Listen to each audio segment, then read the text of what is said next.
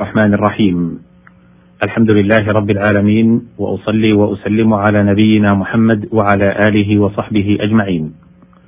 أيها المستمع الكريم أيتها المستمعة الكريمة السلام عليكم ورحمة الله وبركاته. أحييكم تحية طيبة في مستهل لقائنا حول ألفاظ من كتاب الله العزيز. نجيل الحديث فيها بما قالته فصحاء العرب في الشعر والنثر. والمقام متوقف عند مادة الكاف واللام والواو. قال الله سبحانه وتعالى في سورة الإسراء: أو كلاهما. لفظها مفرد ومعناهما أي كلا وكلتا التثنية، ولذلك روعي هذا مرة وهذا أخرى. وقد جمع بينهما من قال: كلاهما حين جد الجري بينهما قد أقلعا وكلا أنفيهما رابي فراعى المعنى في قوله بينهما وأقلعا فثنى. واللفظ في قوله رابي فأفرد لكن الأكثر مراعاة اللفظ ولذلك لم يجئ التنزيل إلا عليه كقوله كلتا الجنتين آتت أكلها ولم يقل آتتا أكلهما. الكاف والميم واللام. قال الله سبحانه وتعالى في سورة البقرة تلك عشرة كاملة أي كاملة الأجر. وقيل هو على التأكيد. وقيل إنما ذكر العشرة الكاملة لا ليعلمنا أن السبعة وثلاثة عشرة بل ليبين أن بحصول صيام العشرة يحصل كمال الصوم القائم مقام الهدي. الكاف والميم والميم. قال الله سبحانه وتعالى في سورة الرحمن والنخل ذات الأكمام. الأكمام جمع كم وهو وعاء الثمرة. وكل ما غطى شيئا فهو كم له. ومنه كم القميص لتغطيته اليد.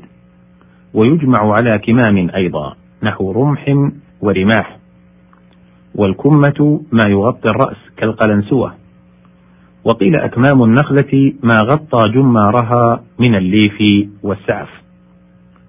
وكم اسم عدد مبهم فمن ثم افتقرت إلى تمييز. وهي على ضربين استفهامية فيطلب بها كمية ذلك المعدود وخبرية فيراد بها التكفير كقوله تعالى أولم يروا إلى الأرض كم أنبتنا فيها من كل زوج كريم أي كثيرا من الأزواج أنبتنا فيها.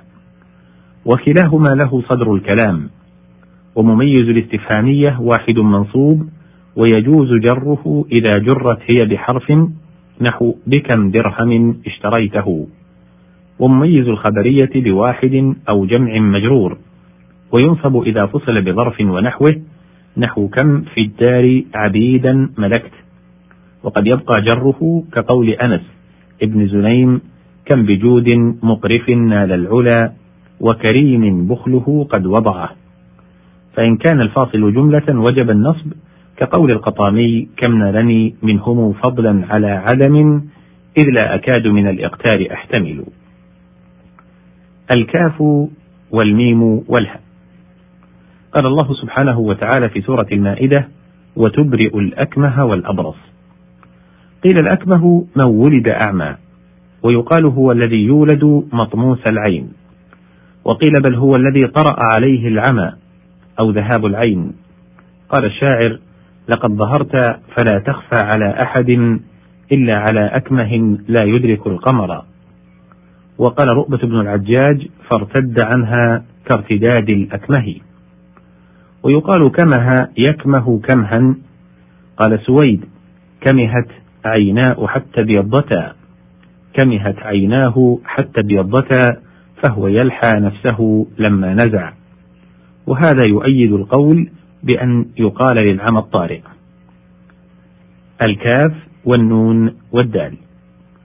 قال الله سبحانه وتعالى في سورة العاديات إن الإنسان لربه لكنود أي جحود. يقال كند يكند إذا جحد. وقيل لكفور نعمة ربه وهو قريب من الأول. قيل ومنه أرض كنود إذا لم تنبت شيئا. قال الشاعر كنود لنعماء الرجال يبعد. الكاف والنون والزاي.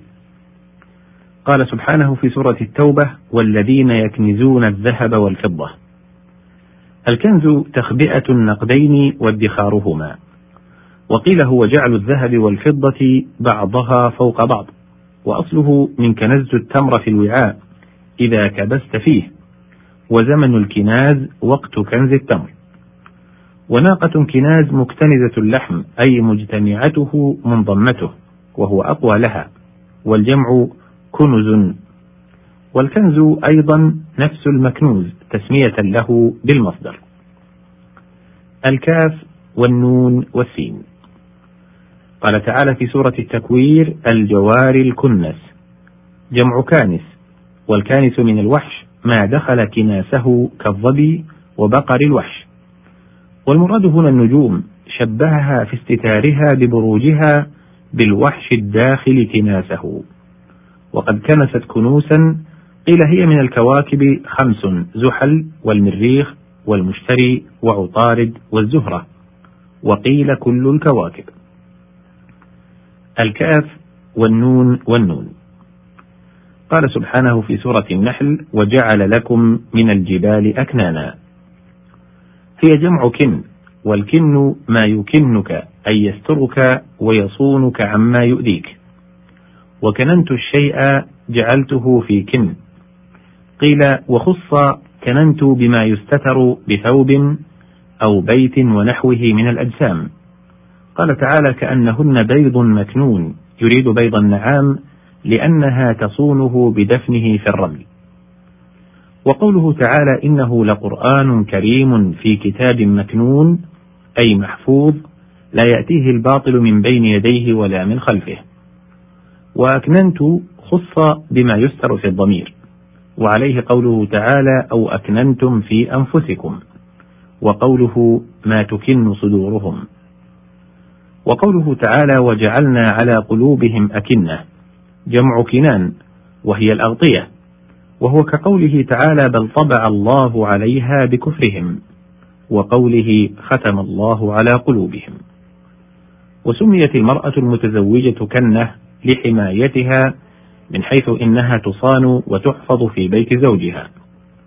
والكنانة جعبة غير مثقوبة تجمع فيها السهام وبها سميت هذه القبيلة المشهورة.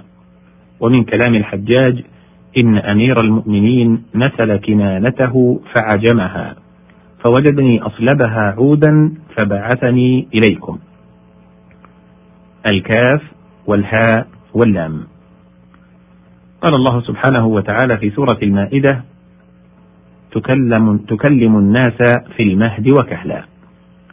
الكهل من الرجال من وخطه الشيب ومنه اكتهل النبات إذا قارب اليبوسة على الاستعارة ويقال شاب الزرع على الاستعارة أيضا.